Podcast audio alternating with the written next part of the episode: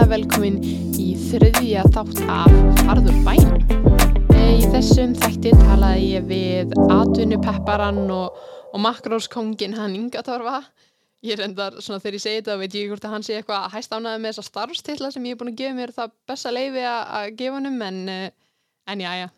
En við spjöldum um tíman hans í Afríku, hvernig það var að starta drauma fyrirtækinu í miðjum COVID faraldri og svona makrós matræðið og, og hel, helstu fylgi fiska sem, a, sem að koma með því.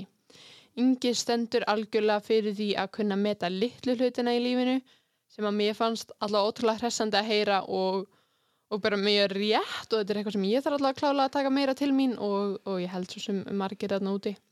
En mér langar aðeins að koma inn á það að Unnur Anna Árnadóttir, hún tók mynd podcansins og hún er hérna, eða hlaðvarpsins, Uh, hún er ljósmyndari, staðsett á Akureyri og ég er bara ótrúlega ána með allt sem hún gerir og mér langaði bara að mæla með neður úr að spája skemmtilegri myndatöku, kannski fjölskyldumyndatöku eða ungbarna, óléttu, fermingamyndatöku. Hún er allavega algjört æði og þið getur fundið allar helstu upplýsingar um hana á unnuranna.com eða á Instagramun hennar. Og sömulegis hann Jóhannes Ágúst gerði stefið fyrir hlaðvarpið e, fyrir mig og ég var bara mjög ána með það samstarf þannig að ef þú ert að leita þér að lægi eða stefi þá hérna algjörlega mæli ég með að tjekka honum. En þessi þáttur er tekin upp í podcaststudio Akureyrar og þar af leiðandi er hann í bóði X-Mist og Múlabergs. En með X-Mist þá, e, þetta, sko, þetta einfaldar að sóttreinsa svo mikið. Þú ert ekki einhvern veginn að vera hlaupandi með tuskun út um allt og og, og hérna ná öllum blettum og handfengum og ég í hvað hvað. Þetta er bara eitt takki og búm uh, rýmið er sóttrensað og sömulegis með Múlaberg þá get ég ekki mælt meira með að borða þarna. Þetta er bara indislega máltíð í hjartaakreirar. En ég held að það sé ekki eftir neina öðru að býða og ég segi bara yngi törfi, gjur þau svo vel sem bad bjó í Reykjavík þannig ég fættur upp allir Reykjavík flytt svo til Dalvíkur sem var mjög mikið sjokk fyrir mig sem var 12-13 ára gaman að flytja Dal, til Dalvíkur, ég hef aldrei komið norður eins náður og það var huglega e, snjóa veturinn mikli sem að þú mannst nörgulega ekki.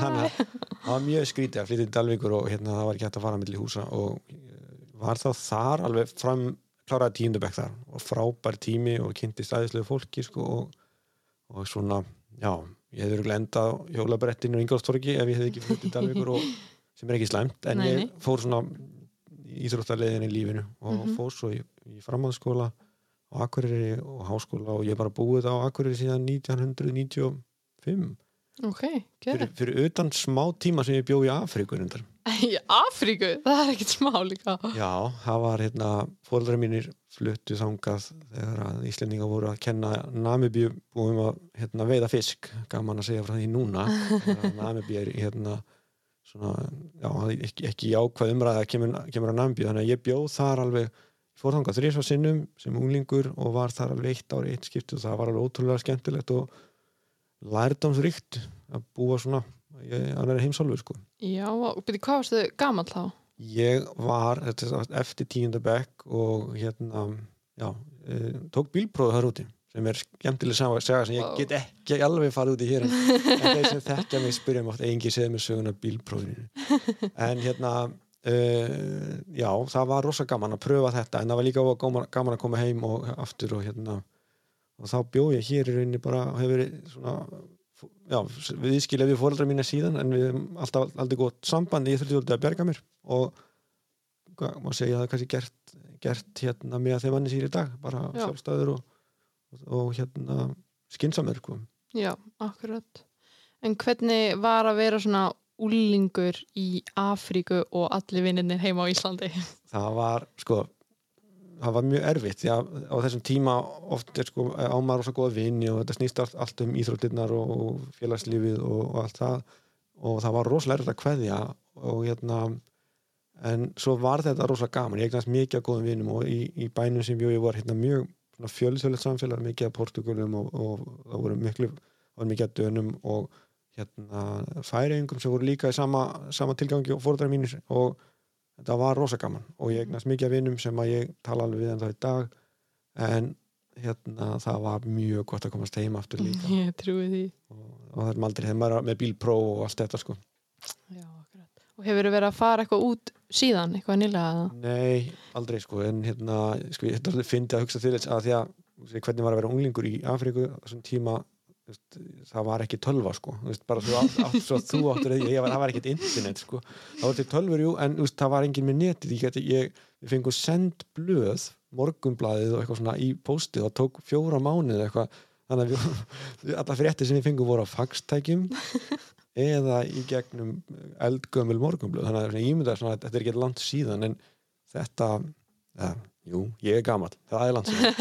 Þannig að þetta var, svona var þetta. Og hérna maður fekk eh, jú, eitt og eitt síntal sem maður splæst í það rándýrt að ringja á milli en, en þetta var rosa skrít og ég man að það var þegar maður kom heim þá hafði maður ekki heyrt þetta og hitt vinsalistu lögin eða bíómyndar, þá hafði maður ekkert hitt á þetta. En e, að því að það er bíómyndir það hérna ég leiður og ógurinn að vídeospólum þegar ég búið í Afríku það var, hérna, það var, þetta er ekki eins þró hérna, eins mikið þróunar ríkjaði kannski hljómar en Nei, það voru, það vídeolegur og svona og ein vídeospóla sem ég legði hétt Remote Control og það voru Sódóma Reykjavíkur.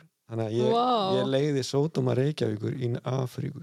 Ta- talsett sko, geðvei smá aukasaga. Já, nei, bara gegja En hvernig fannst þér, þú veist, fannst þér að vera að upplifa það á þetta úlingsár eða úlingsárun eitthvað öðruvísi en svona félagaðinir sem voru hérna á Íslandi?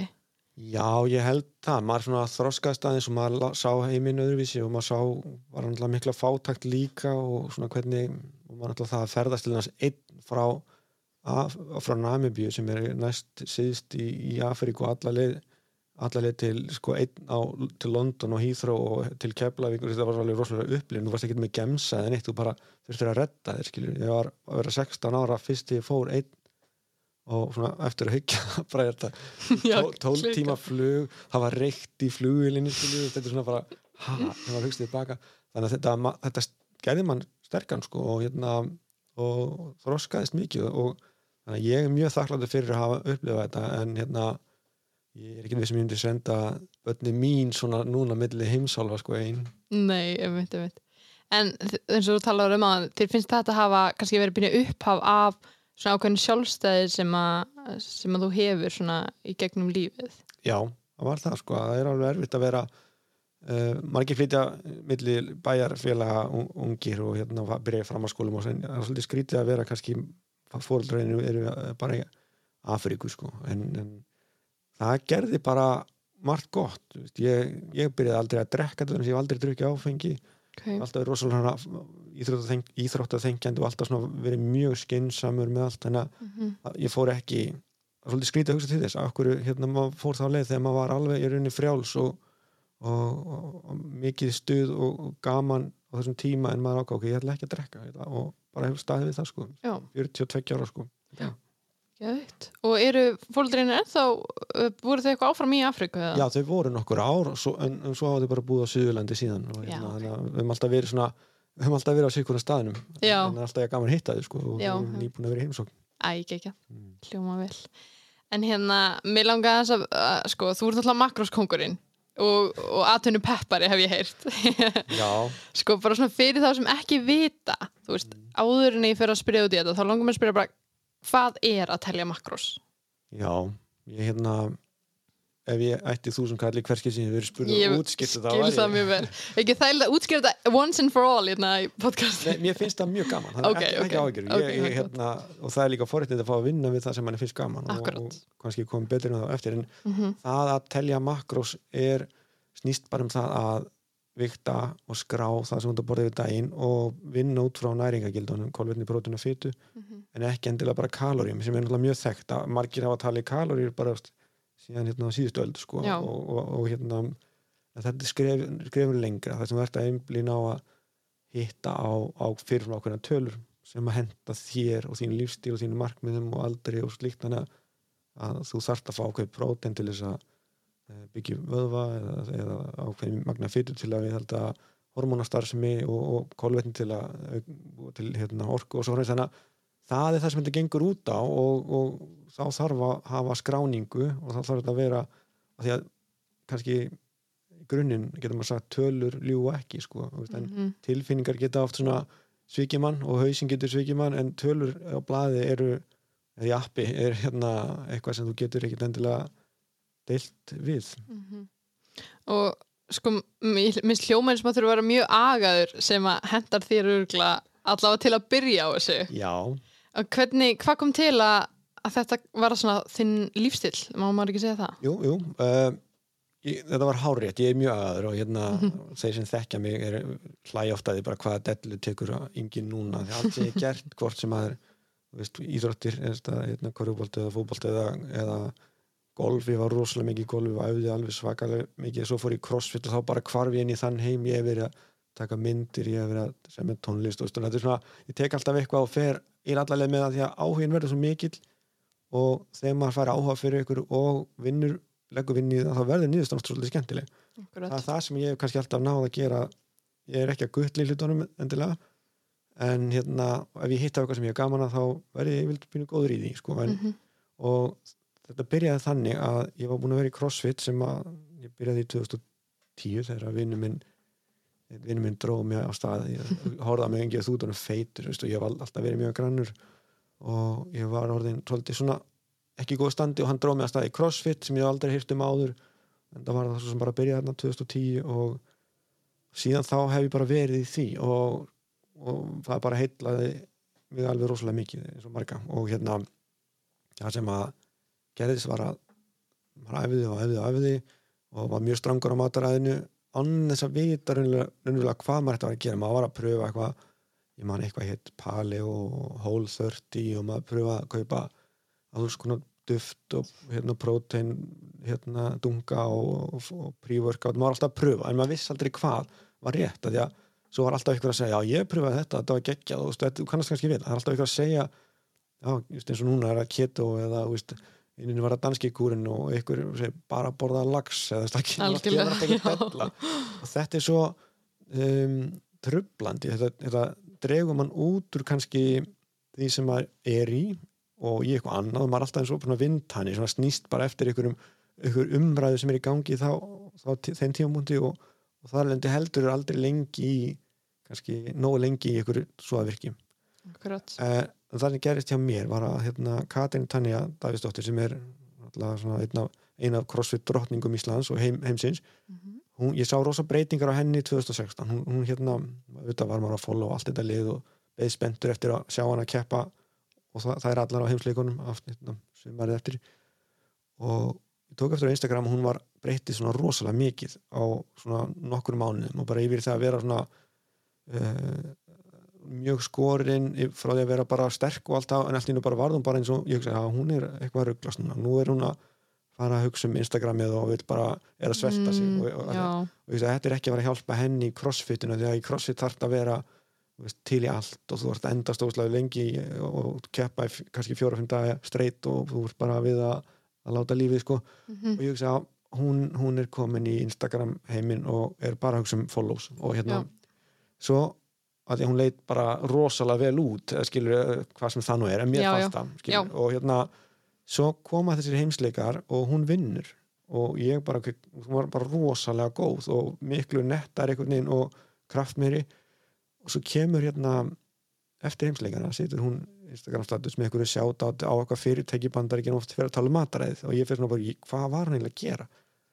Uh, og þá bendir hún á samstarfsaðila sem hún hafði unni með sem er svona næringa þjálfara sem er að vinna með makrós og ég hef aldrei heyrt talað um makrós þá. Nei. og ég las þetta ég las þetta aftur og ég sagði, ég ætla að skrá mig. Og fór á síðuna og hérna ég þurfti að býða þrjá mánu eftir að komast að Vá. það var svo langur byggðlisti eftir þetta því að eftir að hún fór að tala um þetta. En það, það hérna fyrirtæki heitir VAG eða Working Against Gravity sem að margir hafa alveg pröfa að fara til og ég var hjá þeim í fjóra mánu og þeir, þeir, þeir kendu mér það og þá var þetta gert bara svona í gegnum tölvupósta, þetta var mjög frumstætt sko, og, hérna, og ég var mjög lélur sér fyrst og hérna hvað að segja, ég, ég, ég náði tökum á þess með bara- það var að vinna sem þetta legg inn og allt í hennu var ég orðið mjög bara staðfastur í þessu og ég allt í hennu það sem ég tók strax, strax eftir var ég var að borða alltaf lítið áður. Já, það sem ég held að ég var að gera rétt sem var að velja holt og borða mikið að hnetu smjöri og mhm, kjúkling og hérna sætum kartöblum og ég var að borða ég borða ekki nammi eða neitt sko. Nei, ok. En það var ekki fyrir en ég pröfaði þetta að ég sá bara ágengi, þú ert ekki að borða neinn kolvetni og þú ert að æfa sjöta af vikuna sko. Og þú ert alltaf þreyttur, þú ert alltaf að treysta á pre-workout og þú ert að drepa til líkamannum og það var það sem breyttist mjög fljótt þegar ég fór að borða meira og jafnara. Mhm, og allt í hennu fór ég svona að sjá í speglunum það sem ég var að vonast til eftir þú veist hvað margir æfa ógeðslega mikið og segja svona, ég skildi ekki æfi ógeðslega mikið en næði ekki árangri Eftir, já, næ ekki og það á líka alveg við þá sem eru léttir eftir Mhm. sem ég var ekki þung, ég var alveg í góðu standi en ég vildi meira. Þú mátt alveg vilja meira þú sért ekki já, algjörlega, algjörlega og ég lagði og mikla vinnu sem að einhvern veginn skilaði bara því að ég var þreyttur og jú, ég leit alveg vel út með valdur og í góðu formi en samt alltaf þreyttur. Mhm, svo gerist það bara á viku þrjú að ég bara allt í einu, vá ég þarf ekki svo mikið koffín og fann rosa mun á æfingu á æfingum og hérna og sá mikið mun og, og nú eru bara liðin fjögur ár og ég er ennþá að ég get ekki hugsað mér að hætta í þessari sko hugmyndafræði þó að svo að ég vikt ekki nema bara part af árið því að þarf þess ekki því að þetta er eitthvað sem lærist og ég segi alltaf við mína viðskiptavinni sko ég mun aldrei hætta að nota þessa hugsun að hún nýtist mér alltaf og ef ég þarf að skerpa á þá tekið bara svona viktina í einn mánu og, og Akkurat. veist, ef segjum að maður er að útlanda og eða maður er að fara í myndatöku eða maður er bara allt í að lasin eða eitthvað og þurfti okkur nú þarf ég að taka mataræðins í gegn þá tekur maður bara svona viktina og maður finnir spil og tekur smá tímabil til að skerpa á og þá finnir okkur þetta er magnið ég, eða ég var að borða mikið, ég var að borða lítið eh, og svo framvegis. Akkurat. Finnst mér áhugavert að því að ég er búin að vera pæld allt í þessu það sem þú sagðir um hérna Katrin Tönja á hana að hún var að virka meira skorin og svona lítið betur út samkvæmt einhverju, skiluru en ekki, þetta var endur ekki tengt henni en hérna svona makrós og bara því að þú ert makrós en sama hvað hérna bara holdt og eitthvað tengt, þú ert líkamsýmynd mm -hmm. Um, að því að ég veit að þú færð bæði til einn fólk sem er bara komið til, til að maksa árangur Mhm. eins og íþróttafólk geti ég mynda mér allavega og líka síðan fólk sem vil úst, grannast sko sérðu þú veist sálfræðilegt eða svona andlegan mun á fólki jamt og líkamlega mun eftir að það er búin að taka til sín þetta makrós makrós lífstil Já, sko það er mjög góð spurning og að því að sko makró sem slíkt er náttúrulega bara mataræði veist, það er bara e, næringarefni. Og, hérna, og þú getur fengið þessar tölur hvað sem er, bara einhverjum hérna, reiknivilum á netinu og, og slær bara einhverja forsendur og fara einhverja tölur og getur byrjað. Og það eitt og sér er ekkit endilega frábært ef enginn er til að stiðja við þig eða þú getur fengið koleftur tölur. Í rauninni allt og lágar og þú bara svelta þig og svo framvegis. þannig að makrós einar og, e, þetta koncept eitt og sér gerir alveg eitthvað. En Mhm. það sem við höfum lagt upp með er einmitt þetta að peppa fólk að eh, benda fólki á að viktin er ekki endilega mæli hvað hvernig, hvernig er að ganga eða hvernig er líður. Eh, sjálfströst og svona bara framtaksemi og rútína og nýjir síður við erum, við erum að vinna rosalega mikið með þessar hluti í okkar prógrami að því að hvernig líður speilin stjórnar því ekki þú getur, getur litið rosalega vel út og kannski allir vilja vera eins og þú en þér bara, bara sálarlífi er rúst Mhm. eða þú getur líka verið bara þannig að þú hérna, sért í ykkur yfirvikt eða, en þér líður ógustlega vel Mhm. þannig að þetta snýst meira um að svona, er kannski það sem við höfum ekki presenterað mikið er að þetta er bara lífstílsbreyting og makrós er bara einn partur af því og því að við sem erum í þessu við vitum hvað skiptir miklu máli að, að sinna sér líka samhliða og, og bara við erum með fullt af svona pælingum fram í, tím, í framtíðinni hvernig við getum aukið valjuð í því það er að segja vægið minna í, í því að hjálpa fólki með andluhliðina því að Mhm. það er ekki nema bara eins og við erum með eina vikuna ætlum við að þróa morgunrútínuna betur Hvað, þetta er það sem við, ég geri og Mhm. þetta er það sem við hérna, stingum upp verið þig hvað gerir þú eða Mhm. pröfa að kynna þér morgunrútínu hvað er fólk að gera hvað er hérna fólk sem er að ná árangur í lífinu að gera á mótnana Mhm. Takt inn einhverja nokkra nýja hluti alltaf er fólk bara að fara að fara í kalda sturtur eða, eða undibúa morgumatinn kvöldi áður Mhm. taka til vítamínu sín eða brjóta saman fötin, bara eitthvað svona hlutin sem bara Mhm. breyta hvernig þið líður þú finnst þú vera með hlutinu mér á hreinu Mhm. þú finnst þú vera að gera hluti í staðan vera að hugsa um hluti og þú ferð svona einhvern veginn að hei, hérna, ég er að breyta lífinu mínu bara Akkurat. þessi litlu hlutir og svo stundum hefur við segir fólki að pröfa að verður vegan í dag dag og til þess að læra kannski eru fullt af veganvörun sem eru bara frábæra akkurat þannig að það er áskorinn alla daga eh, sem snúa bara ekkert endilega mat. Nei, og er einmitt. bara sjálfnast að mat. Og, og það er bara það er rauninni það sem að fólk talar oft meirum, það er hvernig líður eftir að hafa verið hjá okkur í þjálfun. Því að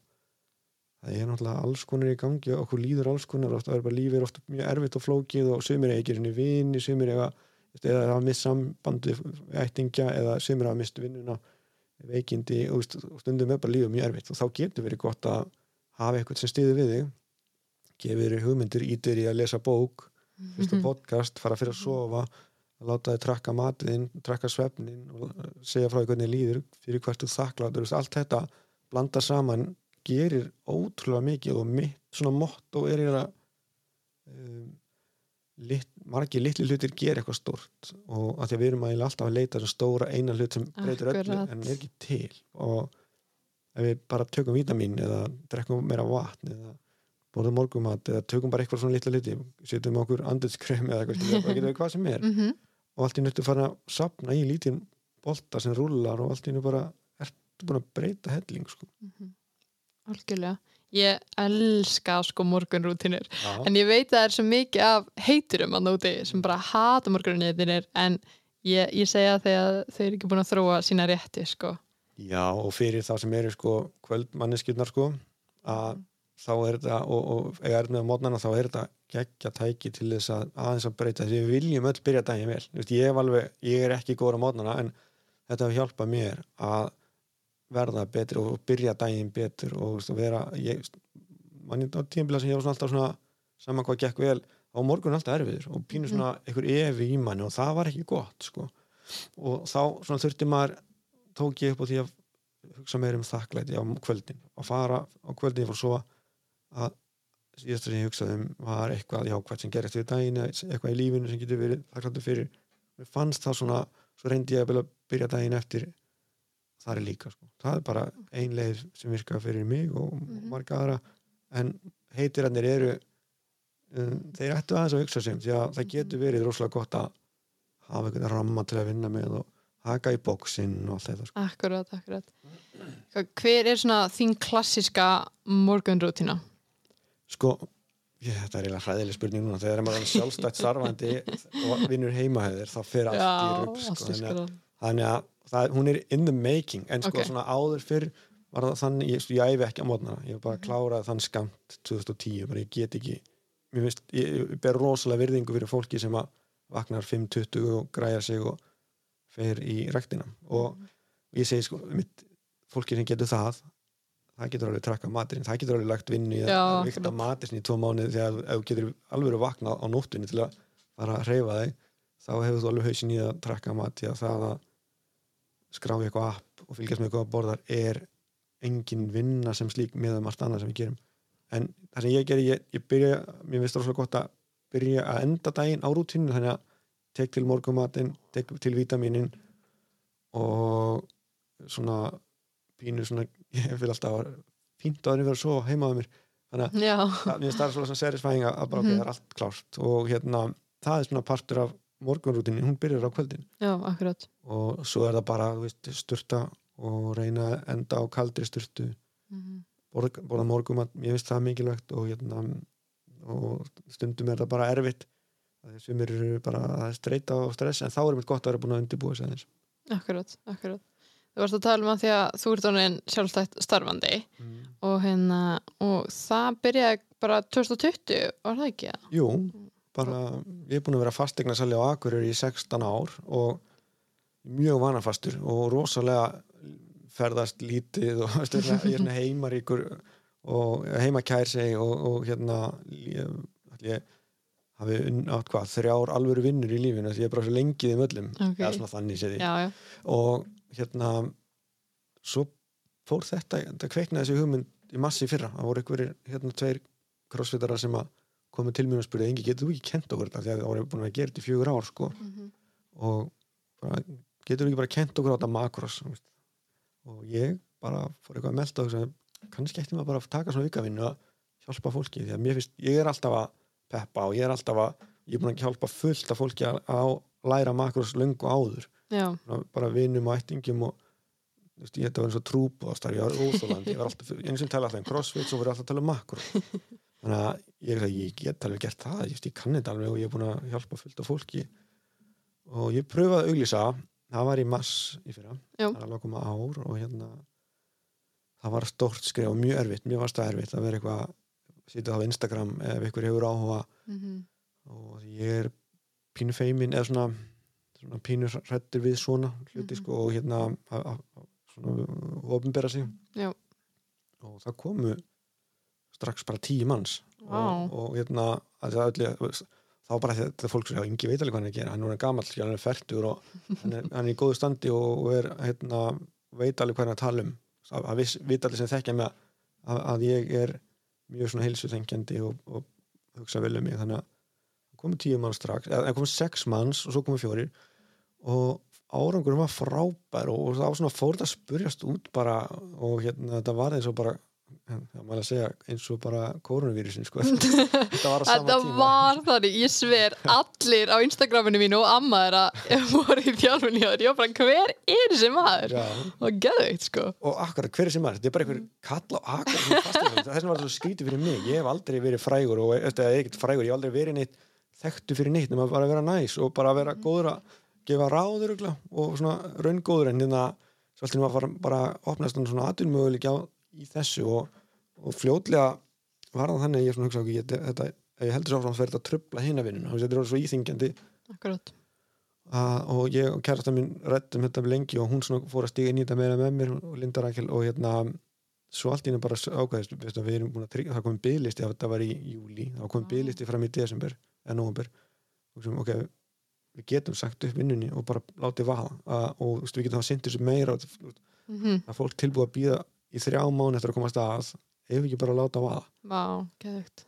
Og maður sem var búin að vera 16 í sama starfinu sko, það var stór ákvörðun. En, en hann er líka mjög uh, varkár og ég var náttúrulega svo búin að sjá það. Okay, þetta er þetta er ekki hættulegt sko. ég, ég, hérna, þetta er það er mikil eftirspurn að ég treysti mér alveg að vinna að hafa svona að lifa á þessu sko. Akkurat, akkurat. Og hvernig var að byrja, þú veist fólk var að geta að byrja mikið að fyrirtækjum í sumar til dæmis, svona í ljósið aðstæða hvernig var þetta að vera svona, þú veist, náttúrulega ógslag sniðið að vera að fara á móti strömmnum samt en hvernig var svona, æ, bara sú reynsla? Sko, þetta var náttúrulega fólk var hissa sko, að, því að það að vera fastegnarsali og góður fastegnarsölu með, góður, með frábær starfsfólki eins og, eins og ég var að vinna á kvammi alveg, ég, ég sakna Mhm. hérna, og það, var allir bara uh, engin, þú ert ekki að gera vinnu hvað, hérna, fannst það skrítið og, og ég man að fóreldrar okkar voru allir bara stutta okkur allir sko, en það voru allir svona já en hérna, haldið að setja líf á þessu sko, og hérna maður vissi það ekki Nei, pröfa. og, og Linda er náttúrulega þannig að hún er mjög hún hefur sagt alveg lengi um mér Ingi, þú ætti eftir að halda fullt af fyrirlestrum og þú ætti eftir að standa ykkur bara svið og ég alltaf bara "Veist, hvað er eitthvað, ég er aldrei að fara að gera það sko. en það er aðeins komið á daginn og hérna uh, við kildum á þetta ég ætla að hafa ekki verið í ágúst eða eitthvað síðast ári og, og bara mitt á móti strömmnum og hérna það var allir að fólk var kannski að missa vinnuna á þessum tíma og en ég sem að færi ekki svona tækifæri oft í Nei, og algjörlega. það var alltaf verið draumurinn minn að vera sjálfstæð starfandi og þess vegna fór ég í viðskiptafræðu sín tíma því hugsa, það var gaman að eiga svona fjölskyldufyrirtæki sem maður ræður svolítið sjálfur og svona getur bara á bara sæmild líf sko. Mhm. Og, og það hefur pínur ræst sko. Að þú talar um að, þú saknir alltaf starfsfólksins og starfsfólksandan og allt það eh, hvernig var að vera að fara yfir að vera í fastrivinu, yfir að vera sjálfstæðstarfandi bara svona, að því það er einmælanlegur að vera sjálfstæðstarfandi oft, veist, hvernig var þetta svona tilfélningarlega, fannst þið eitthvað fyrir þessu eða? í, sko, við vorum, alltaf- vorum tvö að gera þetta saman, ég og Linda þannig að hún var að vinna í banka og hérna uh, þannig að við vorum sam, samstegi í því þannig að við vorum alltaf saman og erum alltaf saman. En það sem er kannski munurinn á þessari vinnu margir annari er að samskipti við annað fólk eru rosalega mikil. Instagramið og Facebookið og svo skjölinn sem við erum að fara yfir þetta er bara endalaus samskipti jákvæð og, og góð samskipti við fólk. Þannig að ég rauninni miklu meiri samskipti við fólk en ég var. Akkurat. en bara ekki alltaf face to face og það er enda bara mjög heppilegt á koruna Já, eru tímum að að vera bara heima að sér. Og ég hérna sem dæmi, ég var alveg átt að til að vera oft veikur svona að fá pest eða svona kvefa hálfbólgu og, og slappur. Að því að sem líklega eftir að higgja var svolítið tengt því að æfði ógustlega mikið. Líka mér var alltaf svona exposed þegar þú ert búin að taka rosalega mikla æfingar. Þá ónum við kerfið viðkvæmt og, svo var maður út um allan bæ. Ég hef ekki veikst núna í heilt ár sko.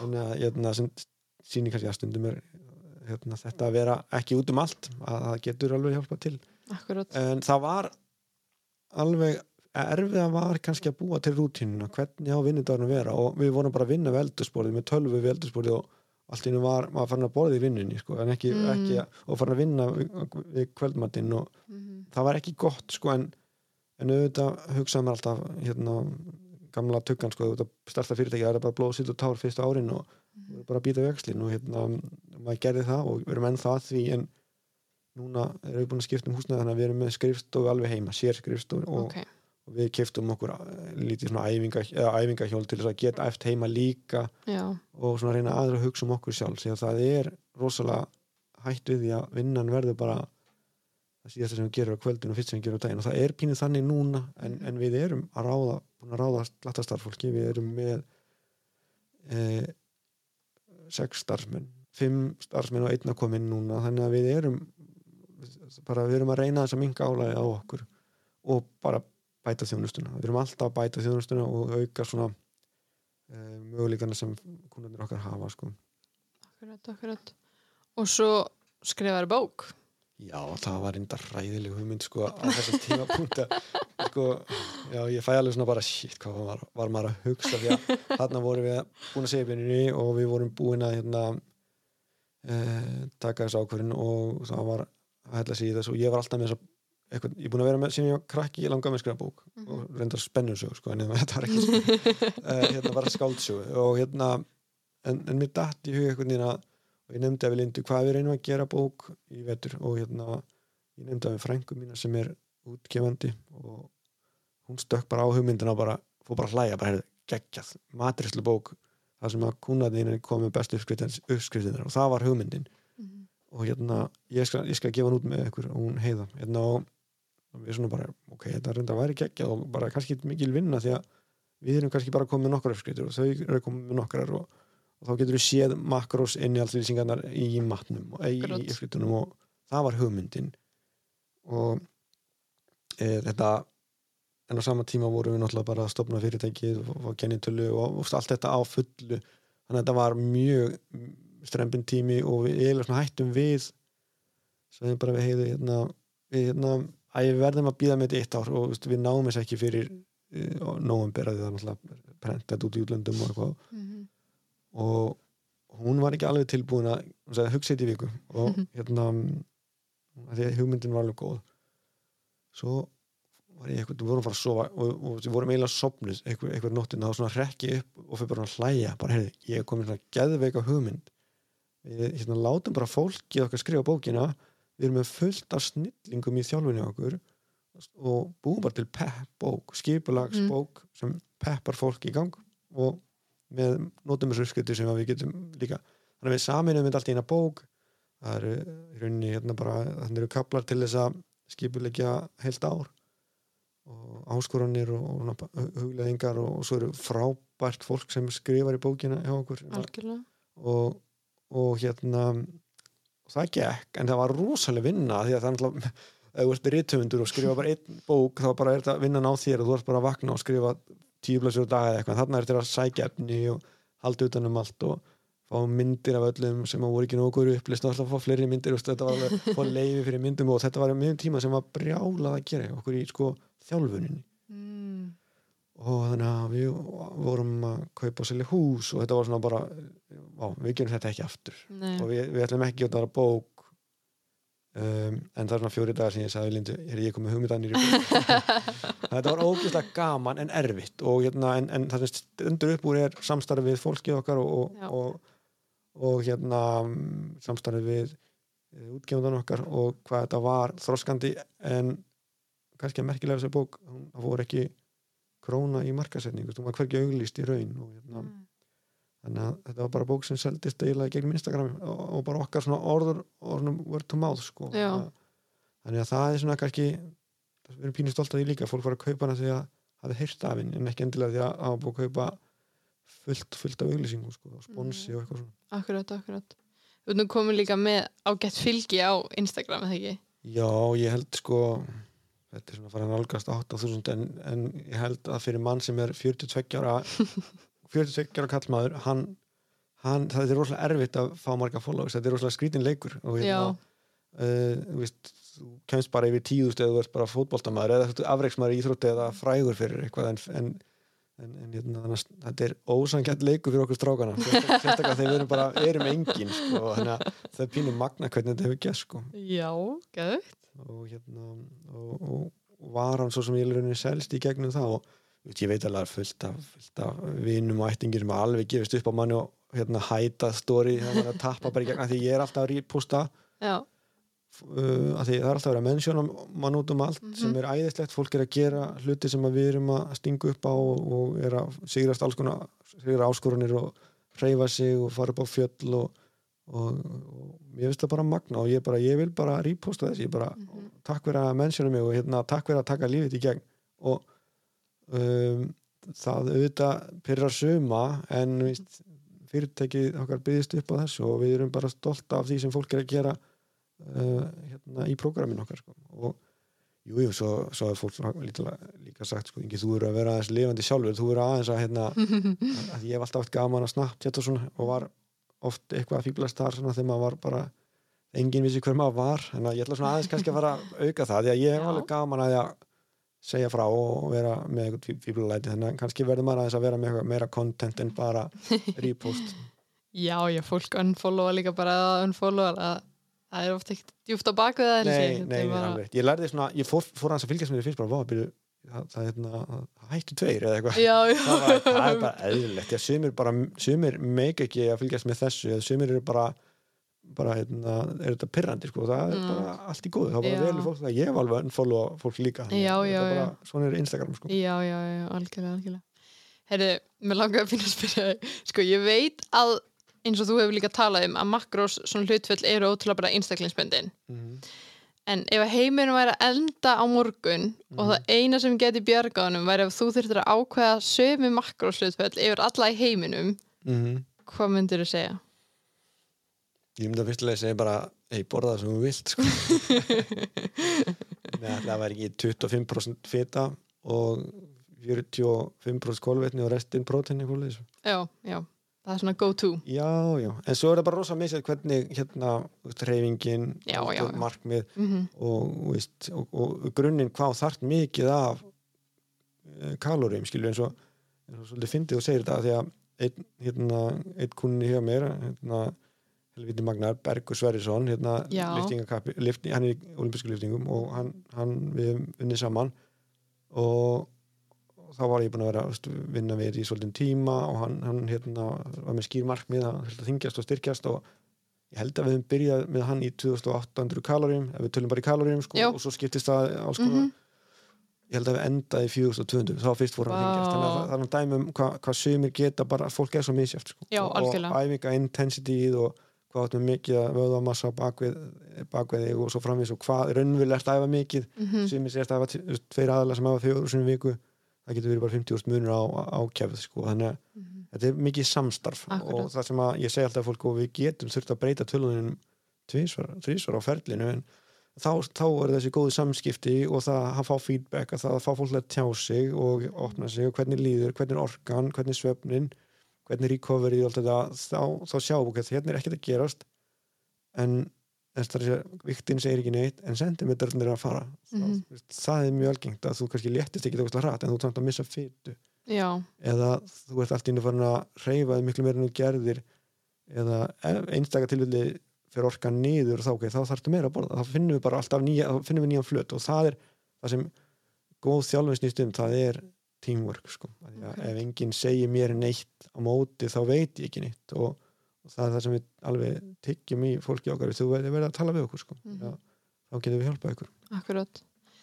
Og síðan er þetta sko það sem allir þekkja, er þetta rauður ofur safinn með eplætikinu sem við veistu út að láta fólk drekka Já, og eins og engi fyrir skot og allt þetta. Og sko ég kaupi þetta allt. Ég drekka þetta allt saman. Ah. en ég veit ekkert af hverju.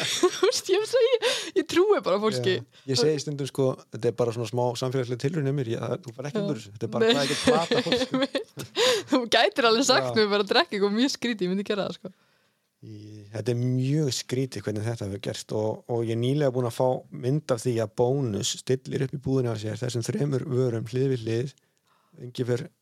rauður óversafi og eplaedik og auglist í bæklinginu sínum svona hlið ég bara, það var mjög skrítið að sjá það bara hérna, hérna bara stæðsta verslun að keðja á Íslandi að auglýsa þrjár vörur sem enginn hefur blandað saman í lífinu örugglega, sko, Mhm. hvernig ég fór að gera það. Mhm, og nú er þetta orðið eitthvað svona ei, það er allir að kaupa þetta út af þessum yngatorfa eða ég ímynda mér að það hefur verið umræða eitthvað stær á högum eða eitthvað stær eitthvað skrifstöðu við þurfum bara að þetta saman. Þetta er að rók seljast það er svo skrítið að sjá það að reynverulega áhrifin sem við erum að hafa er breytt, breyttar vennir í Íslandinga sko, stórum hluta og, og allan það er verið að tróða ykkur um vörum hérna fram út af þessu og sko ég, ef ég er svona ég, ég segi fólki að gera þetta en ég segi að ég, að ég gera þetta og það er líka það sem ég segi oft eða alltaf að um, þetta, þetta virkar verið mig og ég mæla alveg með þessu að pröfur þetta en ekki gera þetta bara að því bara og eins með vítamin, ég, ég tek vítamin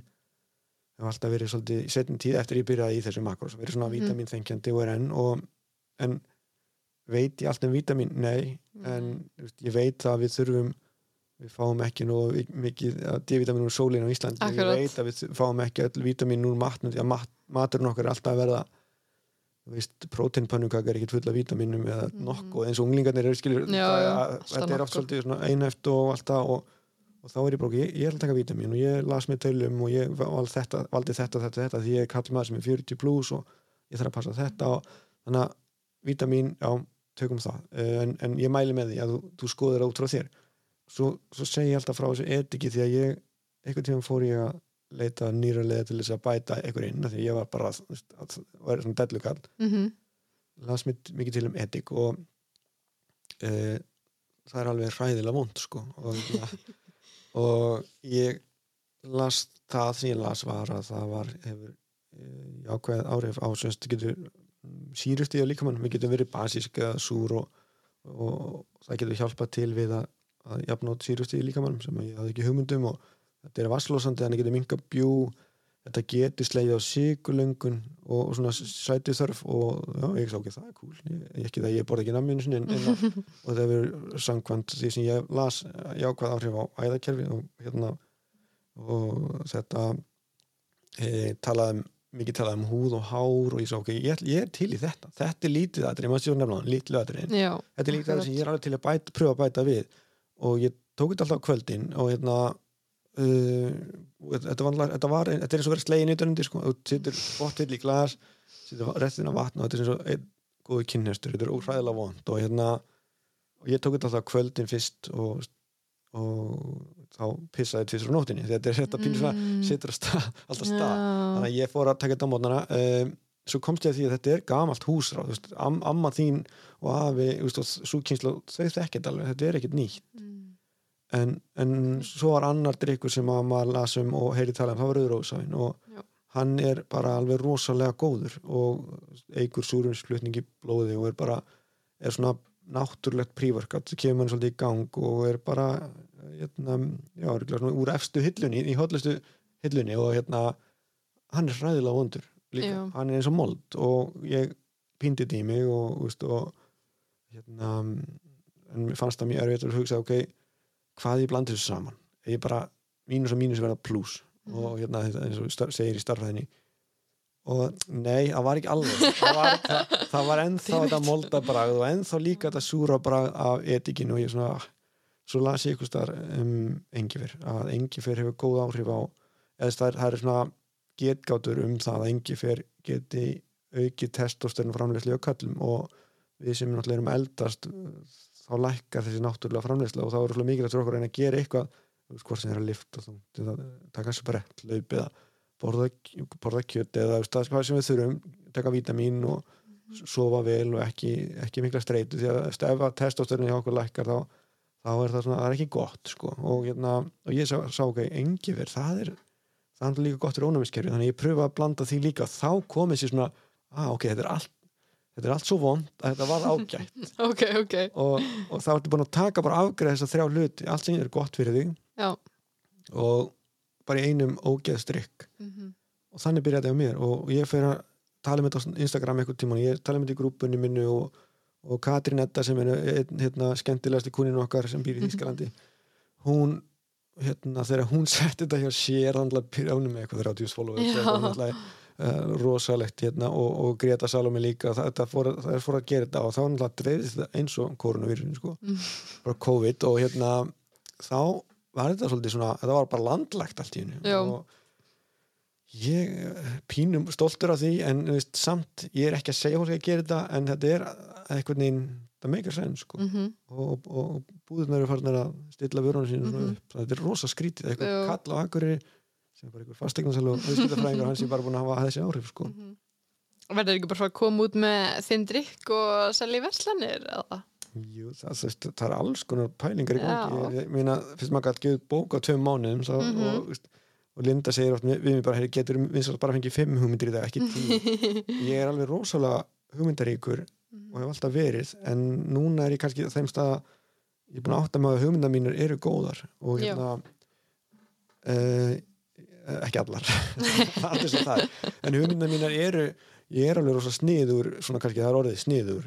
Uh, og, en hérna en auðvitað getur maður ekki gert allt og sumt er algjör út í kortinu eða óróinhaft en sem dæmi um einn drikk sem að og það er nokkur í vinni mínu búin að minna mig á það að 2005 ég var í háskólanum í vöru þrónaverkefni þá kom ég með drikk, svona hugmynda drikk sem var slökunadrykkur hvað ef, þú veist, 2005 þetta var allt var á fullu og allir að eða peningum og kaupa, kaupa hlutabrif og rosa svona mikill peningur í, í samfélaginu og ég hugsa ekki, Mhm. hvað með hérna hvað með að framlega drikk sem að við vorum á móti þessu, streitu og hérna hann átti að heita Sleep Mode það var svona, ég er búin að finna nafn, ég er búin að sjá logoð fyrir mér ég, þú veist, og verkefni fekk mjög góða dóma Mhm. og svo veit eins og allt annað maður ekkert í en það er alveg glabrað að fara kannski að framlega drikk rúmlega eftir 30-aldri og svo kom bara þessi drikk og slóka og hann er til í dag sem dæmi.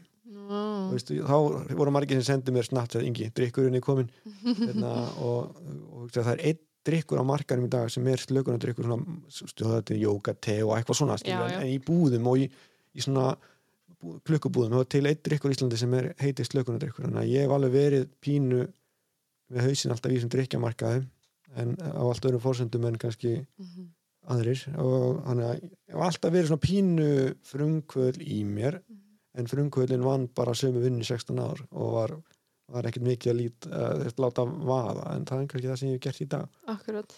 Og það er ímyndilegt í gangi sem við erum byrjað að pæli og hérna kannski verður það einn daginn að veruleika. Já, geðið. Er þetta ekki líka ég áttur samræði við einhvern um daginn að það, svo, það geta allir fengið góðar hugmyndir en það er einmitt bara að láta þær gerast sem er vinnan sem að þú ert að gera núna.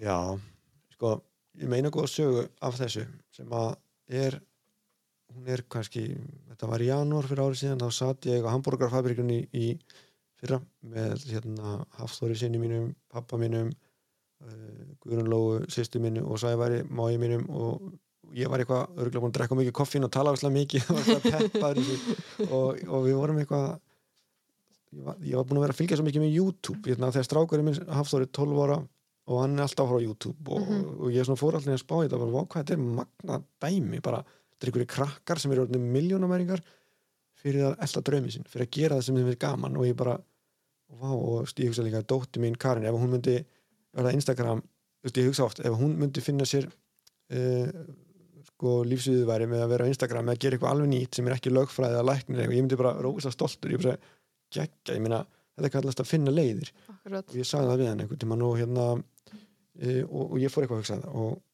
og satt þarna og við vorum út að borða og, ég, og þá voru eitthvað að ræða um hvað þau ætla að fara að læra. Mhm. og ég sagði bara, veistu, að það er bara ég held að þetta sé þannig að það, hérna, það er oft svo mettaðir markaðir í öllu og, en svo youtuberarnir skilur, þeir eru kannski ekkit mentaðir þeir eru bara að gera eitthvað sem að þeir þrá að brenna fyrir og eru ógæslega duglir þannig að niðurstaðan var svo fyndi eitthvað sem þeir finnst gaman reynda að finna farveg fyrir það og verður ógeðslega duglegur. Það var svona motto, það var niðurstaðan úr þessu þessu hérna samtali og, og hérna ég, þessum fyrirlestari sem enginn baðum frá mér að var að finna eitthvað, finna eitthvað sem þú ert góður í brennir fyrir og gæði allan í það. Og það sigrar alltaf einhverja gráðu, eða, það getur sigrar þú getur alltaf tekið þessa gráðu setna Mhm. og tveim mánuðin setna var ég að gera þetta sjálfur. Ég hef aldrei, ég hef aldrei sett í samhengi við mig. Ég var bara að selja fastegni skilur en Mhm. allt í hennu bara og, og, og að því að þú segir sko að fá hugmyndir gallin er sá að hugmyndina sem við erum að leita er upp í skíunum Mhm. þar, þar leitum við eftir hugmyndum. En hugmyndin er oft bara gólfinu fyrir fram en þú nýtur bara ekki að þanga og mín hugmynd var makros sem ég var búin að gera í fjö, fjögur ár og var ógeðslega góður í þessu. Og var ógeðslega ég var búin að mastera það skilju en mér dætti aldrei huga að vinna við það. Ég var Mhm. alltaf að leita svona okkur, hvernig getur ég stofnað fyrirtæki? Og það selja húsgögn eða eitthvað skilju það er svolítið gaman að það væri gaman að flytja í því að Mhm. það var allir hús það bara nokku og þeir grætti klikja nokku og barbel, þá vildi allir fara þann vagn og Akkurat. eða, eða hvernig getur verið ríkur á því að gera ekki neitt eða veist, ég tími ekki að kaupa neina framleyslu línu en ég ætla bara að vera með þjónustu. Hvað, hvað, veist, fólk er alltaf að leita innföldur lausninni sem, sem er finna upp hjólið eða, eða veist, leita ykkur sem kostar minimum vinnu en það leitar ekki alveg í hverju ég er góður í Þú veist, hvað Mhm. kann ég og ég er ekki að segja að allir geti gert það ég var heppin skilur, ég bara það væri einföldun að segja bara ég veist, að það eiga bara allir að gera það sem ég er góður í skilur Mm. en, en mér finnst eins og til þess bara uh, það ég, ég var rundt um daginn og sé hérna uh, þrif og ræstur ég man ekki mm. -hmm. er Já. ristort hús hérna tól bílar fyrir utan Mhm. og ristort húsnæði og þeir eru að þrýfa öll fyrirtæki hérna á Akureyri þetta er er ekkit frábæri hugmynd Nei. þetta er bara hugmynd sem virkar mm -hmm. að stopna þrif fyrirtæki Mhm. og þetta rekur bara tugi manna og þetta er, þetta er bara geggjað Já. eða maðurinn sem misti vinnun og fór alltaf inn að sauma tuskur út í bílskur og, og, og held að úr því hafi verið takk hreinlætisfjörur eða eitthvað skilur Mm. Þú þarft ekki alltaf að eða, eða gaurinn sem er að þrýfa allar mottur og leigir og fer með þær í bankana fer svo þrýfur þar og kemur nýjar mottur Akkurat. þetta er ekki rosa hugvit þetta er bara geggjað rekstur Akkurat. þannig að ekki alltaf vel að horfa upp í skíin bara Mhm. horfðu nær þér og horfðu bara í kringunni hvar vantar þjónustu, hvar vantar hvar er tækifæri, hvað get ég gert veist Mhm. þannig að ég held að við erum pínu svona alltaf upptekinn að finna eitthvað sem er og gott til að vera satt sko. Akkurat. En hérna í sko framhaldið af þessu, þetta er kannski svolítið stór spurning, en mér langar samt að spyrja eins og hvað finnst þér um skólakerfið, sérstaklega eins og grunnskólakerfið, að því ég veit að veist, það eru mjög, mjög mikið af uh, hérna, umræðum um þetta eins og Magnús Skeving hefur talað um þetta mikið og, og þannig sko, hvernig finnst þér það vera veist, að stuðla að því að fólk geti eldur um að sinna og gert það sem það vilt og fundi það sem það er gott í og gert úr því? Sko Magnús Geving er snillingur, hann er í Mhm. bókinni mm og Mhm. ég hafði bara saman til hann hann var rosalega næs og Mhm. tilbúin að hjálpa og hérna ég hlusta á öll podcast sem að bæði á Sölva og hérna Mhm. snorra og, og oftar en einu sinni og því að mér finnst hann frábær Já, þessi hugsun hjá honum um skólakerfið og kassana sem við erum sett í þannig að ég, ég, ég, ég sammála honum um það að við erum öll bara mis, mismunandi og við mismunandi svona, svona hvað að segja svona greind og, og hæfileika sem við þróum með okkur en, og kerfi mögulega og líklega hefur kerfi alltaf unnið þannig á, svolítið á móti því móti okkur um hópum sem að eru góður í ykkur öðru. En ég held, og, en ég hef kannski neina sterkar skoðuna í dag, en ég hugsa bara ég held að kerfið sé að reyna, ég held að Mhm. ég held að, og kennar í dag þú veist, þú sér bara hvað þau fara að nota iPada og tæknina og, og krakkar upp í gilja skólu að gera podcast en að, hvað er þetta annað en framþróun skilur, en, en er þetta að gera meira? Já, er, þú veist, það er búið að leggja niður próf á stórum hluta, svona lokaprófi og það er það gott, já, ég segi það, segja það hvað þú stendur í vilji prófi segir ekkit endilega um hvað þú ert gáfaður eða hvað þú stóðst í vilji vetur og þannig að ég segi skólakerfi þeir, þeir eru að reyna Mhm. og, og það er alls konar þróanir alls konar jákvæð þróan búin að sér stað en ég hef kannski eitthvað meiri því en það, það má gera, pott gera betur og það má hafa fleiri veist, það má hafa fjármálalæsi í stað mætti vera eh, það er náttúrulega bara nöðsynlegt sko og næringar, svona næringarfræði e, eða svona einhvers konar nálgun á næringu í skó- skólum bara já, það mætti vera því að hérna, og það er kannski ein hlið sem að mér langar að koma inn á Mhm. e, sem að ég, ég, ég hef ekki rætt mikið en hérna, þegar að fólk fyrir að, makrosa mér þá, það er annað, já, annar jákvæður vingil sem að gerist oft er að fjölskyldu, neyslan á fjölskyldunni neysluminnstu breytist þegar mamman og pappin eða, eða einhver einn í fjölskyldunni fer á makros eh, sá sem sér um innköpin og heimil eða mjög oft er þetta konur og mömmur. Mhm. það er allt inni bara að fatta mömmunar þegar þær fara að vinna með tölur, staðrendir hlutvöld fýta, prótin og kolvetni trefjar, það bara byrju, þetta er ekkit óholt en eða þetta er algjört rust sem ég er, er alltaf að kaupa og er alltaf í keksskúfunni bara ég er hægt að kaupa þetta, ég ætla að kaupa eitthvað annað sem að bræðast kannski ekkit ólíkt.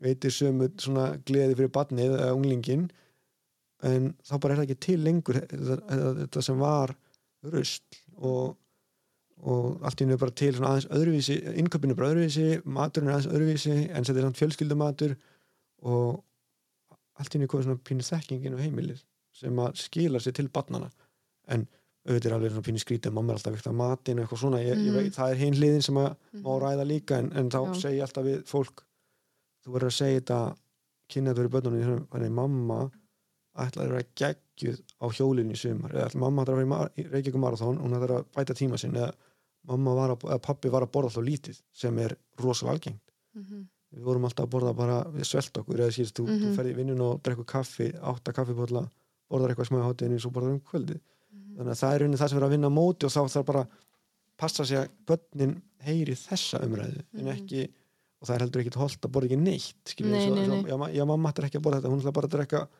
vatn eða þú veist, eða Já. hvað það er eða, eða ég er á keto og ég má ekki borða þessi kolvetni veist, Mhm. það er heldur ekki góð skilabóð en þetta er, við erum að passa okkur bara hva, hvernig við tölum í kringum börnin og makros er ekki verið en eitthvað annað það er alls konar, eða úrin uh, appulúrin og allt þetta ég meina, það er enginn að segja mér að það sé gott fyrir börn að vera að fylgjast með hvað er brenna mikið eða skrefin þeirra, það er enginn að tala um það það er að tala um kannski uh, eða, það er að tala um svo margt að eina fókusum kannski frá því hvað það er sem að þetta eru mörg aðri sem er að trubla en fitt svona úr dæmi uh, sem ég á ekki vegi en um, ég held þessu bara alls ekki góð sko. Mhm. að því að hérna, það er alltaf getur mynda svona einhvers konar yfir hvað er ég að reyfa mikið, ég verða að reyfa með aðeins meira Mhm. eða skilur en, en það er svo sem önnur umræð ég, ég, Já, en, já. en ég hérna en aftur á móti er púlsmælar ég bend á þá notum Mhm. púlsmæla það er að nýta sér það, það, það er þau vísindi í til Mhm. góða sko. það, það er rosalega vannýtt tækifæri sko. að hérna, læra á að vera með þessu úr en af hverju er ég múrið, það er ekki til að segja hvað brennir mikið þú getur notað líka til að mæla púlsinn til þess að vita á hvað ákjæðu þú átt að vera að æfa og hvar er ég að fá mest útborgað fyrir æfingarnar sko. Mhm.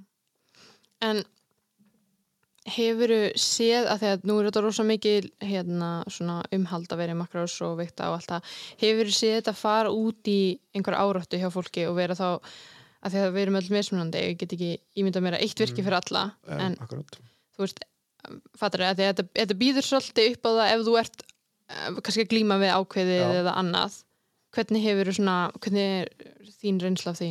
það er mjög góð spurning og ég, seg, við segjum alltaf í tölvupóstinu sko, spyrjum, hefur þú átt við einhvers konar, átt í óeðlu samband eða slæmi samband við mat og Mhm. þá kemur svona pistil bara þá er makros möguleg ekki fyrir þig við, bara ég hef sagt nei Mm -hmm. við fólk sem ég veit eða sem er að koma úr bataferli eða að ég vera átt við eitthvað glíma ég er ekki sérfræðingur í þessu skiljur Nei, og bara ég, ég síni þessu alveg sko, ég, bara þetta er svakalega erfitt. Mm það að segja þess að vera á þessum stað og bara síni þessu fullan skilning og hérna bara e, og vil einmitt alls ekki ítundir þetta. Nei. en svo er, að, svo er að hitt sko einmitt að eru ég, ég hef séð það svona fólk verður aðeins svo obsessed með kannski akkurat að hitta nulli en sem betur fyrir er það bara eitthvað örfá dæmi en hérna það sem gerist líka og við höfum fengið rosalega oft uh, ábendingar um það eða hrós að samband við mat verður betra þegar þú veist hvað matur er mm -hmm. þú í hennu fattar, vá, ég á bara að borða 800 kalori í dag en ekki 1200 skilur, Mm -hmm. að ég má bara fá mér alveg ís, ég má alveg fá mér hambúrgar fyrir þann sem að var alltaf að refsa sér og borða útlæð lítið Mm -hmm. hugsa hvað er mikil frelsun að taka tveggja mánuðar kúrs sem að segja svo í, í því að skrá matinn bara, byrju, ok, þetta er betra fyrir mig en heldur en að vera alltaf að svelta mig Mm -hmm. þannig að í rauninni má segja að þetta getur fyrir ákveðna alla sem eru komin út úr komin í gegn inn í bataferð eða komin, Mhm. komin það langt að þeir ekki tristir sér að vinna með tölur og svona Mhm. að þá skilur um mat betur og fattar ok, hann, það er ekki það, ég þarf mat til þess að hafa kraft og recovery og bæta söfnin og, og í rauninni til að léttast þá þarf ég mat þannig að Mhm. þetta er bara þetta er ekki fyrir alla Nei. og við segjum það alveg en makros virka fyrir alla sem að veist, stund, er, nota tækið skilur mm. Og finnst þér að vera fá mikið af fólki að því að sem betur fer í samfélaginu núna er svo mikil umræða um jákvæða líkamsýmynd um, finnst þér þú er að fá eða ekkert bara þú heldur bara svona almennt veist, vera mikið af fólki sem að í rauninni sko sumir þurfa náttúrulega að letta sig til að vera bara heilbriðari það er eitt. En síðan eru sumir sem eru og sumir þurfa sem eru í góðu formi að bæta sig til að ná framistöðu en síðan eru aðri sem að kannski finnst þeim bara þurfa þeir þú veist, leta sig bara vegna þess að þeim eh, finnst það til að líta vel og út á Instagram og eru kannski ekki með neitt Mhm. svona dýbra eða sko, jú, kannski mjög djúft en skilur hvert þér að fara. Já. finnst þér að sjá mjög mikið af þannig eða finnst þér það að vera að breytast?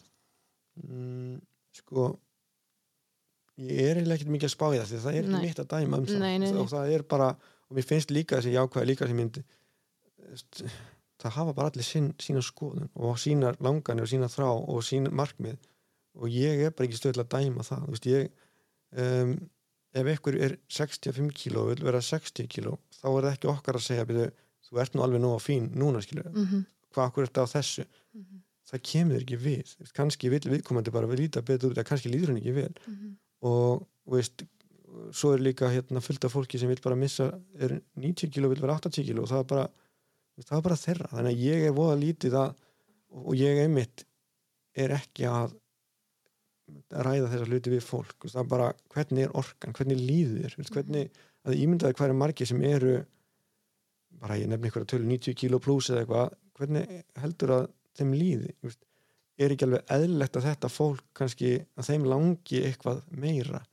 Og þegar þú ert kannski með sjálfs, sjálfsmat og þú treystir ekki að vera í crossfit eða fara til engaþjólfara eða þú veist, þú treystir ekki að skráða eitthvað námski, hlaupanámski, bara ég er bara að dreifast í njánum eða eitthvað skilur það bara að ég er bara þekkingan í þessum hóp og ég ákveð ekki heima svo allt inni fer ég eitthvað makrostálun og viðkomandi segir þið fáðu púlsmæli byrja að fara að labba fara í kalda sturtu, hérna borða aðeins meira, ekki Mhm. svelta þig ekki borða svona mikla fytu eða fá þér aðeins, ekki að hættu kólvetni eða skilur bara eitthvað, Mhm. já, já, allt inni bara fer hinn þessari manneski, líða vel og það er það sem að, þetta gengur út á hvort sem að svo manneskja er 60 kíló eða 110 kíló það er bara gaman að geta hjálpa öllum því að við höfum öll, erum öll að glíma við eitthvað og manneskjan sem er, er 55 kíló og vil ná að gera gegja Instagram mynd það er bara einhver ástæði fyrir því sem ég veit ekkert og ég get bara ekkert dæmt hana sko, og, og við höfum öll verið það við viljum öll fá eitthvað kredit eða hrós og þannig að Mhm. bara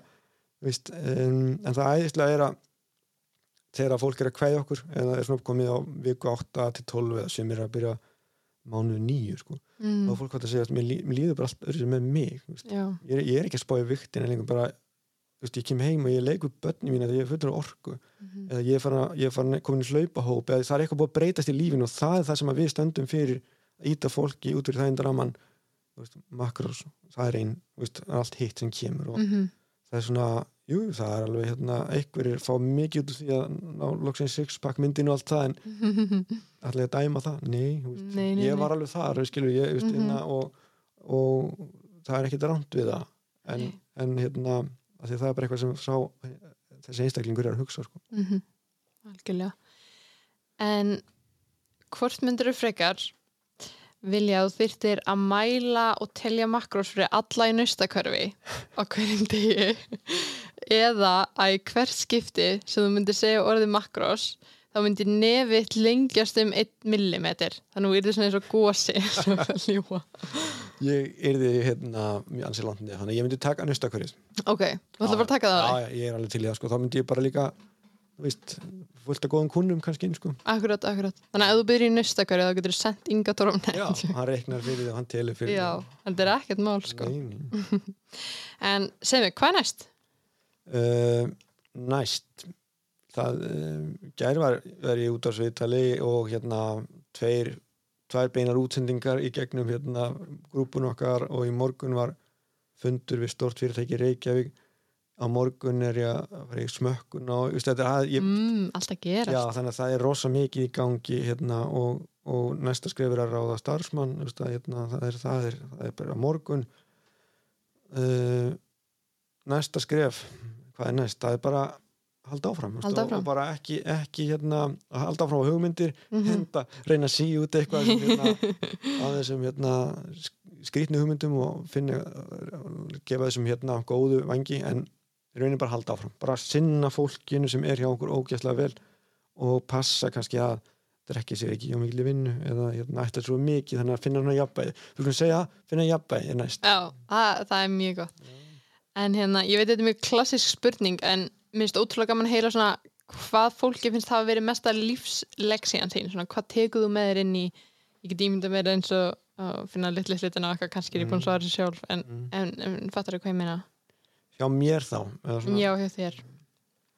Ég veit það ekki. Hérna, veist, bara ég það, það er náttúrulega fyrst og næst kannski að vera þakklátur sko, að, að ég stundum á að til að hugsa of mikið að veist, ég hef allan ekki svona slæmt. Eða, það er eitthvað Mhm. erfitt þá- og ég stundum verið skammað fyrir það bara engin en það, hérna, það, það, þó þessi hafi ekki það slæmt þá er hef ég það slæmt, skilju mm Anna, en það, ég hugsa of oft þannig bara ok, hvað getur ég þakkláttur fyrir?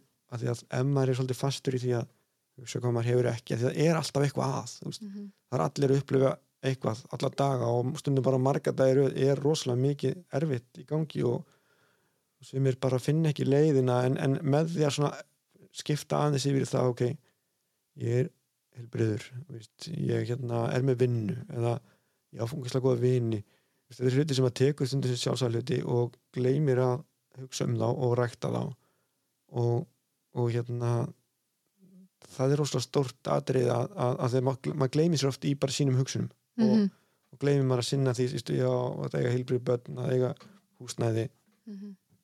Að kannski fara aðeins að hugsa um það sem hefur en hefur ekki en stæður að hugsa um það sem maður hefur ekki og það hefur hjálpað mér Mhm. ég fór að, ég fór að hugleiða í, það, og það var eiginlega kveikin að þessu öllu að þessu ETS dæmi að uh, að var svona ákveðin kapli í lífinu sem leið ekki vel og miljón hugsanir í gangi alla daga og hérna kefti svona hugleðslu pakka Mhm.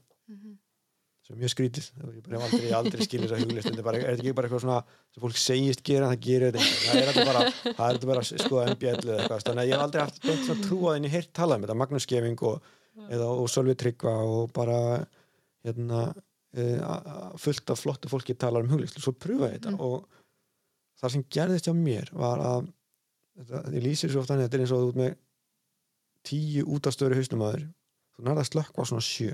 Mhm. að þú nærð fókus, þú nærð að hugsa um færri hluti í einu og mjögulega voru fimm af þessum sjö hlutum neikvæðir sko, Mhm. og, og voru að draga þeir niður. Þannig að þetta getur, þú getur gert það hvernig sem er líklega, þú getur bara setið, þú þarf ekki að vera með eitthvað app eða eitthvað til að segja alltaf, þú getur bara sest niður og hugsa jákvætt og talið upp tíu hluti sem ánaði með í lífinu og það er það sem við gerum okkar kuna líka, bara þakklæti. Og þetta breytir miklu og út úr því bara fór hausin á mér á fullt bara með hugmyndir uh, alls konar strategíur að það kveikna á réttur ásvonum í hausnum á mér. Og ég, ég hérna þetta var hérna program, hún heiti Fit by Sigrun og er með frábæra líkværstastöði hafnafrið ég var svo ánægð með þetta að ég sendi bara á hana. Bara hugsa, ok, ég ætla bara að senda á Sigrun og hérna, ég vil bara þakka fyrir hann hugslupakka, hann er bara búin að breyta öllu og ég er búin að setja stað fyrirtæki, lítið svona batteri sem er hjálpa fólki. Og út úr því var bara flottur vinskapur og hún er í bókinni og hún, hún, hún hérna e, bara hefur núna að fá allir kúnarnir okkar afslátt hjá henni. Þú veist, bókin að Sölva Tryggva var alveg kveikja hjá mér. Ég hlustaði á hana og, las hana og, og ég leti Sölva bara vita því. Ég bara, ég bara láta vita á þegar ég var að byrja með podcastinu svona. Mhm.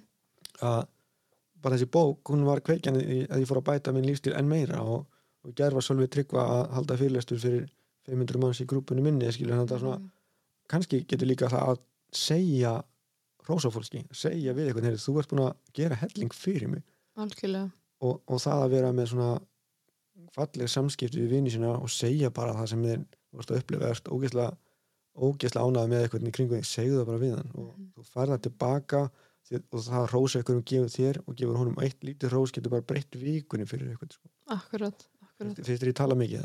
Nei, alls ekki, ég er dýrkut það sko ég er líka svo sammóla því að bara við Íslendingar og margir aðri samt, veist, við erum ekki nógu duglega við að rósa finnst Nei. mér oft allavega þannig að og, og líka bara svona taka hrósinu sem maður fær held ég að sé á algjörlega, þetta var mjög góð punktur að því að sko Linda segir alltaf mér, Ingi, það, er ekki hægt að hrósa þér sko. ég er alltaf að hrósa öllum sko mm, eða, eða, mjög bara duglegur því en, en svo segir ykkur eitthvað við mig þá bara skipti um umræðumni sko. þannig að að taka hrósinu er líka alveg kunst og, og leifðu þá fólki að hrósa þér ekki bara Akkurat. fara í vörn eða, mhm. eða segja að þú ert frábær já, já, bara, eins og hérna eins og ég vitni nú hérna Kristínu Sif hérna sem er hjá okkur, hafa sagt við hana segðu bara takk þú ykkur rósa þér að segðu bara takk. Mhm, það er alltaf góð regla bara, Mhm. hei, þú lítur vel í það hei, takk, og svo getur alveg sagt sömu leiðis eða mhm, enni mitt hrós og svona e, bara mjúk samskipti bara veist,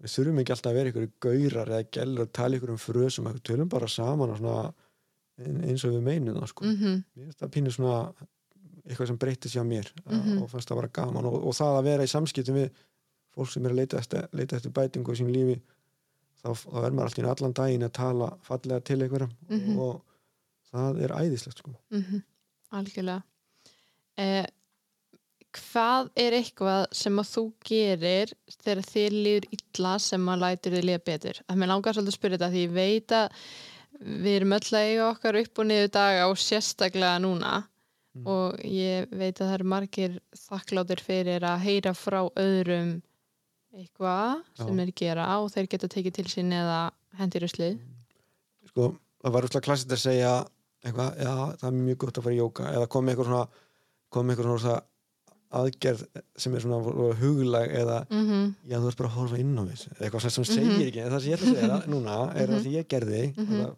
ég hef aldrei hugsað um þetta fyrir að segja það ég fór að hlusta á hljóðbækur þetta er svona eitthvað sem allir geta Mm. gert þetta er ekki flókið, það virkar fyrir mig ég var rosalega erfiðu kapli í lífinu og ég hlusta á svona sömari 2018 19 sig, hlustaði á svona 12 hljóðbækur og, Vá. og bara storytell og bara þá slöknaði svolítið á höstum, ég fekk kvíld, ég fekk svona, ég glemdi mér. Ég fór út að hjóla fyrir fjall og hlusta á hljóðbúk hérna, þannig að það er bara einfaldar ráð, þetta er ekki eitthvað, þetta er ekki eitthvað svona mjög djúft Nei, þetta er bara það stundum eru bara ráðin sem manni vantar eitthvað svona, gerðu, pröfaði þetta einfaldar Mhm. ráð, þetta er ekki svona bara pröfaði allt, Mhm. er bara að fara, vera áskrifandi á storytell dettin í ykkur hljóðbækur, þú gleymið þér tíminn líður, að stundum þegar okkur líður illa er tíminn bara, hann líður ekki ef við erum Mhm. að býða eftir ykkur eða við erum óþreyjufull eða við náum ekki að sofa eða við, hausinn stoppar ekki pröfa hlusta á hljóðbók, ykkur geggjaða skáldsögu spennisögu, æfisögu, eitthvað bara það er fáránlegt að við erum öll búin að vera í podcastunum mm Mhm. að við erum hérna Pod, podcastin taka svona stundum úr manni ef maður hlustar á fimm podcast í röð eða eitthvað, þú, eða þú, þetta er alltaf eitthvað fróðleikur já, já og maður alltaf er eitthvað, ég ætla að gera þetta Mhm. ég, er sko, ég ætla sko að gera þetta sem þið eru að tala um og mm þú byrjar að skrifa á blað og svo gerir ekki neitt -hmm. þannig að hérna, ég hef oft lindið því að hlusta á svona heilsu podcast og frábæra hugmyndur og maður gerir ekki neitt já. en svo pröfa að hlusta á bækur líka Mm og þá svona, það er allt önnur afturreng sko. -hmm. akkurat að þetta er að gefa hlustendum eitthvað pepp út í daginn sinn eða út í nóttuna hvar, uh, klukkan hvað eru að hlusta á þetta hvað myndir að gefa? Peppar Íslands. Ég veit það, þú ert peppar Ísland, ég varð að spyrja Já, það ég, þá kemur ekki neitt sko, nú er ég alveg tómur sko. Nei, Veist bara hann búin að gefa fullt af peppi hérna. Byrjaði í dag þú veist, er það ekki Já, bara þú Það er veist, ekki ekki ekki, og ekki byrja á geist byrja bara einhver einu litlu og hérna, þú veist, en það að byrja getur, það, það, þá ertu byrjaður. Og settur eitthvað lítið markmið byrjun og hérna, eins og ég, ég var eitthvað það búið svo mikið að gera mér núna undarfærið að það er svona, rútínan hefur verið hjá okkur lindu verið ekki nóg góð og, og svo við alltaf, við erum að gera þetta allt og svo allt í fattar maður, maður getur ekki neitt og Mhm. svo leið bara vika og vika og vika og svo allt í gæri varum við að tala um að við erum byrjuð að gera margt að það sem við eigum að vera að gera nema vítamín þau, þau eru dutt út í mánuð eða, veist, en þá, er, þá tekum við bara eitt í einu Mhm. byrjaði að reyfa sig aðeins meira byrjaði að vakna aðeins fyrir og byrjaði að fara í kalda sturtu það gerist ekki allt sama daginn, Nei. Byrjaði bara eitthvað staðar. Mhm. þá kemur oft eitthvað sem fylgir og ef það er að trakka matinn eða ef það er bara að byrja að fara í kalda sturtu eða það er bara að lesa, eitthvað, lesa bók eða skrifa eitthvað á blað það er bara alltaf eitt skrif í einu. Og og kannski líka bara njóttu ferðalagsins það er því að við erum rosalega oft fókusir á endapunktin hvar hvar, hvert að er markmiðu hvern, just, ég verða að komast þanga svo kannski þegar nærði og menn hafa talað um þetta e, e, og hérna Beggi Ólafs talaði um þetta í bókinu sinni þegar hann var Íslandsmeistari og hvað svo? Og, veist, Mhm. þá kannski gleymir fólk bara að njóta þess að meðan á því stendur. Veist, þú ert út að hlaupa en að rafna gildi eitthvað, njóti þess að horfa í kringu því Mhm. fyndu lyktina, veist, sjáðu grasið lifna við í voru, eðst, bara verðt á staðnum, ekki bara vera detta inn í bara ég verð að ég er að fara að léttast eða ég er að fara að keppa eða bara njóttu þess sem þú ert að gera akkurat núna. Og ég segi það við oft við hérna fótbolsta krakkana sem hafa verið hjá mér úst, Sandra Maria S sem var hérna Já. byrjaði hjá okkur og, og verið núna starfsmæður hjá okkur og ég, man, ég, ég talaði um þetta, mér var svo gaman að tala við atvinnmann í, fótbolsta, að því mér er alltaf langa að vera þjálfari Mhm. ég segi bara, mundu bara hvað hann kemur úst, mundu eftir þú varst að hérna í bóganum bara sem krakki að mæta alla daga, það var ekki alltaf gaman og mundu bara hverju voru draumarnir þá og næstu þú fyrir æfingu að keppa bara kontu við grasið, skilju, fyndu lyktina njóttu, skilju, og bara litla stelpan sem var í bóganum hérna alla modna eða út í hlaupinni í snjónum bara ekki gleyma því að njóta momentsins í dag því að þú, þú ert búin að vera að vinna að þessu lengi og það getur átt við svo margt sko. Mhm. í staðin fyrir okkur ég sitt ég bara hugsa um e, e, hvernig fæ ég að spila næsta leik eða e, eru að vinna deildinu að fallast eitthvað svona hugsanir sem er lengra fram í tíman bara hei, núna ert þú bara í geggjari stöð bara þú ert að láta draumir rætast og njóttu þess að meðan hann er sko. og hérna, svo kom bara nýja draumar setna Akkurat. Ég get alveg fáránlega gaman að fá þig. Takk kærlega fyrir að koma. það var bara mín var á hann, það er gaman að ég er náttúrulega bara að tala endalist eða gætir þryggja tíma podcast Þetta er geggja. Er eitthvað sem þú vilt bæta við? Nei, það, það endar það í svona 40 minnum viðbútt þannig að það bara gaman að koma og bara verður gaman að fylgjast með þér Vaxum. Takk, takk.